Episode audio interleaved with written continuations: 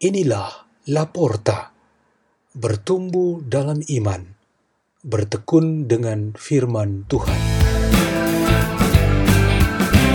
Dibawakan oleh anak Monika Reorang dan Ibu Ambrosia Sofiane Manuk dari Gereja Mater Misericordia Pantai Besar, Paroki Santo Ignatius Waibalun, Keuskupan Larantuka.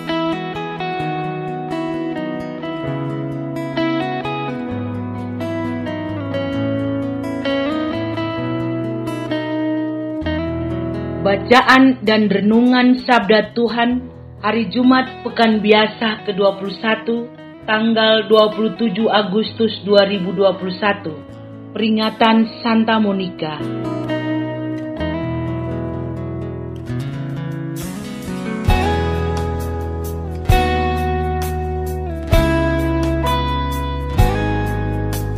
Inilah Injil Tuhan kita Yesus Kristus menurut Matius bab 25 ayat 1 sampai 13. Pada suatu hari, Yesus mengucapkan perumpamaan ini kepada murid-muridnya. Hal kerajaan surga itu seumpama sepuluh gadis yang mengambil pelitanya dan pergi menyongsong pengantin. Lima di antaranya bodoh dan lima bijaksana. Yang bodoh membawa pelita tetapi tidak membawa minyak, sedangkan yang bijaksana selain pelita, juga membawa minyak dalam buli-bulinya. Tetapi karena pengantin itu lama, tidak datang-datang, mengantuklah mereka semua, lalu tertidur. Tengah malam, terdengarlah suara orang berseru, "Pengantin datang, songsonglah dia." Gadis-gadis itu pun bangun semuanya, lalu membereskan pelita mereka. Yang bodoh berkata kepada yang bijaksana, Berilah kami minyakmu sedikit, sebab pelita kami mau padam.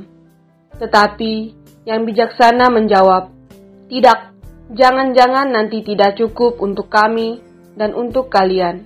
Lebih baik pergi membelinya pada penjual minyak. Tetapi sementara mereka pergi membelinya, datanglah pengantin, dan yang sudah siap sedia masuk bersama dia ke dalam ruang perjamuan nikah. Lalu pintu ditutup. Kemudian datang juga gadis-gadis yang lain itu dan berkata, Tuan, Tuan, bukakanlah kami pintu. Tetapi Tuan itu menjawab, Sungguh, aku berkata kepadamu, aku tidak mengenal kalian.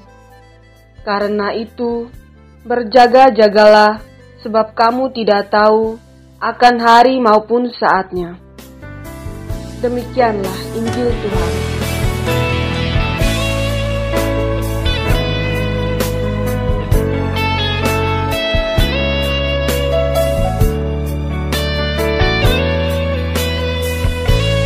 Renungan kita pada hari ini bertema Jangan ketinggalan saatnya. Banyak sekali peristiwa tentang orang-orang ketinggalan waktu atau saat ketinggalan kereta atau pesawat mengakibatkan mereka tunda keberangkatan atau tidak jadi berangkat. Ada yang ketinggalan penjelasan dan pembicaraan suatu topik tertentu yang akibatnya mereka tak memahami seluruh isinya.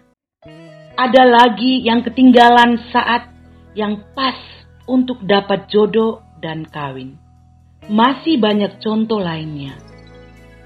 Tuhan Allah menggunakan metode ini untuk melatih kemampuan kita dalam hal kesiapsediaan, kepekaan, kedisiplinan, tanggung jawab, dan kesetiaan.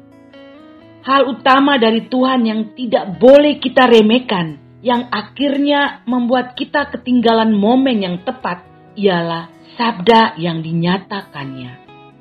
Yesus pernah ungkapkan di sinagoga setelah membacakan tes kitab Nabi Yeremia bahwa Allah menyatakan dirinya pada saat firman itu diwartakan dan sampai ke telinga para pendengar. Momen atau saatnya bertemu, berbicara dan mendengarkan Tuhan sangatlah spesial dan tidak boleh terlewatkan.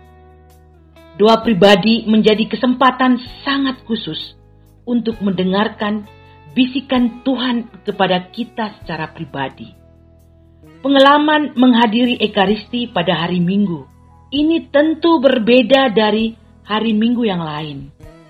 Pengakuan dosa menjadi kesempatan menerima absolusi dan mendapatkan pengampunan.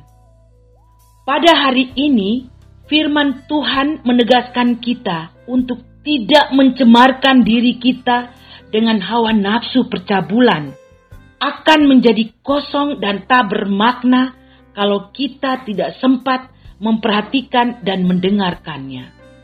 Santa Monica pada masanya, ia mengetahui bahwa putranya Agustinus harus diikuti setiap saat dan jangan pernah membiarkan dia semakin jauh tersesat ke dalam dosa.